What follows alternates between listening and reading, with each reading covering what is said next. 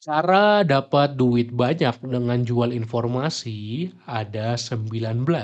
Simak di episode kali ini.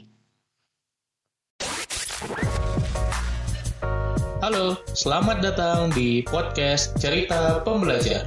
Kamu akan mendengarkan cerita mengenai pengalaman, gagasan, dan pembelajaran.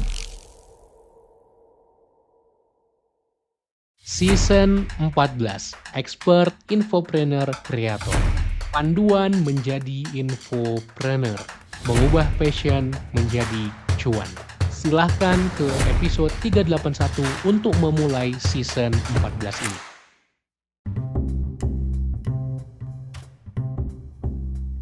Halo, halo, halo. Balik lagi di podcast Cerita Pembelajar season 14 bareng gue Umar Al-Faruqi. Dan kali ini kita akan lanjutkan dari part 1 dan part 2 kemarin. Di part 3 hari ini kita akan bahas 6 sisanya dari 19 cara untuk membuat information product.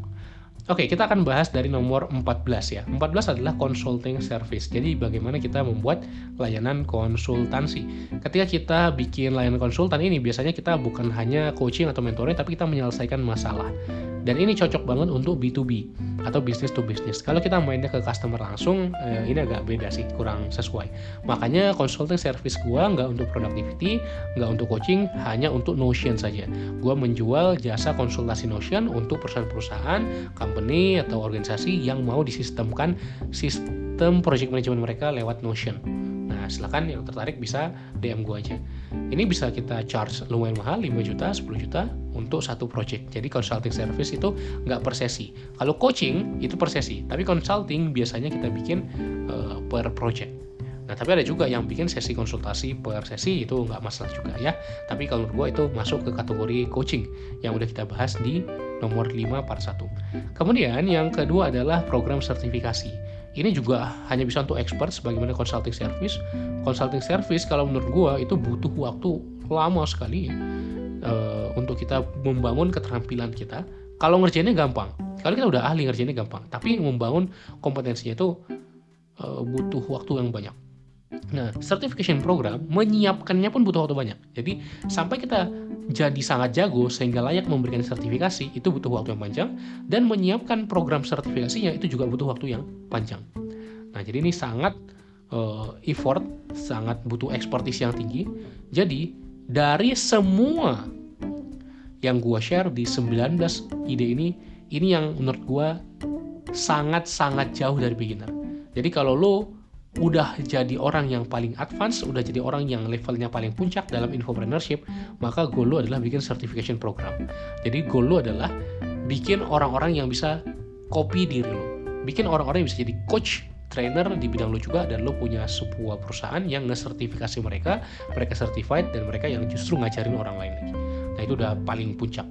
Kemudian yang ke-16, jualan software atau tools. Ini juga termasuk produk informasi atau digital produk yang akhirnya bisa memudahkan orang-orang ngelakuin sesuatu. Misalnya kalau gue bikin aplikasi to-do list, bikin aplikasi habit tracker, tapi ini agak susah juga. Kenapa? Karena nggak semua orang yang paham cara membuat uh, tools atau software atau produk informasi. Tapi kalau gue bisa bikin uh, tools atau software yang sederhana-sederhana dan akhirnya gue bisa jual itu juga. Namun gue nggak pingin ngelakuinnya karena kurang asik. Lebih asik yang nomor selanjutnya. Nomor 17 yaitu membuat template planner jurnal yang bisa di copy orang. Ini juga enak banget kalau lo jualan desain template desain atau template Lightroom preset uh, template Premiere mungkin buat lo yang main di kreatif tapi kalau gue biasanya bikin template Notion atau template spreadsheet Excel. Itu gue bisa gue jual uh, masing-masing mungkin harganya bisa 50 ribu, 100 ribu. Ini termasuk ke low ticket. Um, butuh waktu sih untuk bikinnya uh, mudah untuk dilakukan relatif mudah sebetulnya dan bisa uh, absolutely passive income ya. Kemudian yang ke-18 adalah online retreat. Jadi ini sebuah sesi istilahnya bootcamp ya biasanya kita buat bootcamp jadi bener-bener dua hari full atau tiga hari full Jumat Sabtu Minggu full dari pagi siang sore malamnya istirahat doang pagi siang sore ada lagi itu kita isi semua dengan sesi-sesi. Nah apakah sesinya ini ngajar doang? Nggak harus. Kita bisa bikin sesi entertainment bisa bikin ngajar. Jadi kayak kita retreat ke sebuah tempat bareng-bareng kayak outbound gitu tapi sifatnya online. Ini high ticket banget bisa 2 juta 3 juta 5 juta uh, per satu orang.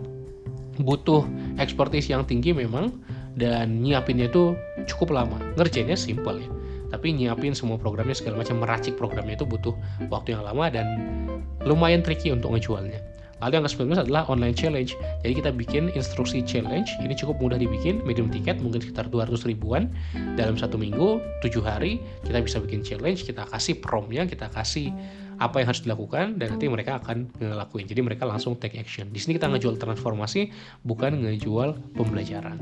Jadi ada enam lagi yang gue share di episode ini. Ada jadi konsultan, program sertifikasi, jual tools atau software, jual template, planner atau jurnal, kemudian online retreat, lalu yang terakhir adalah online challenge.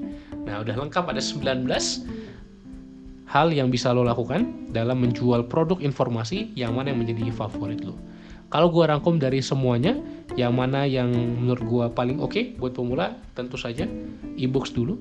Lalu buat orang-orang yang sudah nggak pemula lagi, udah biasa ngajar, maka buatlah webinar.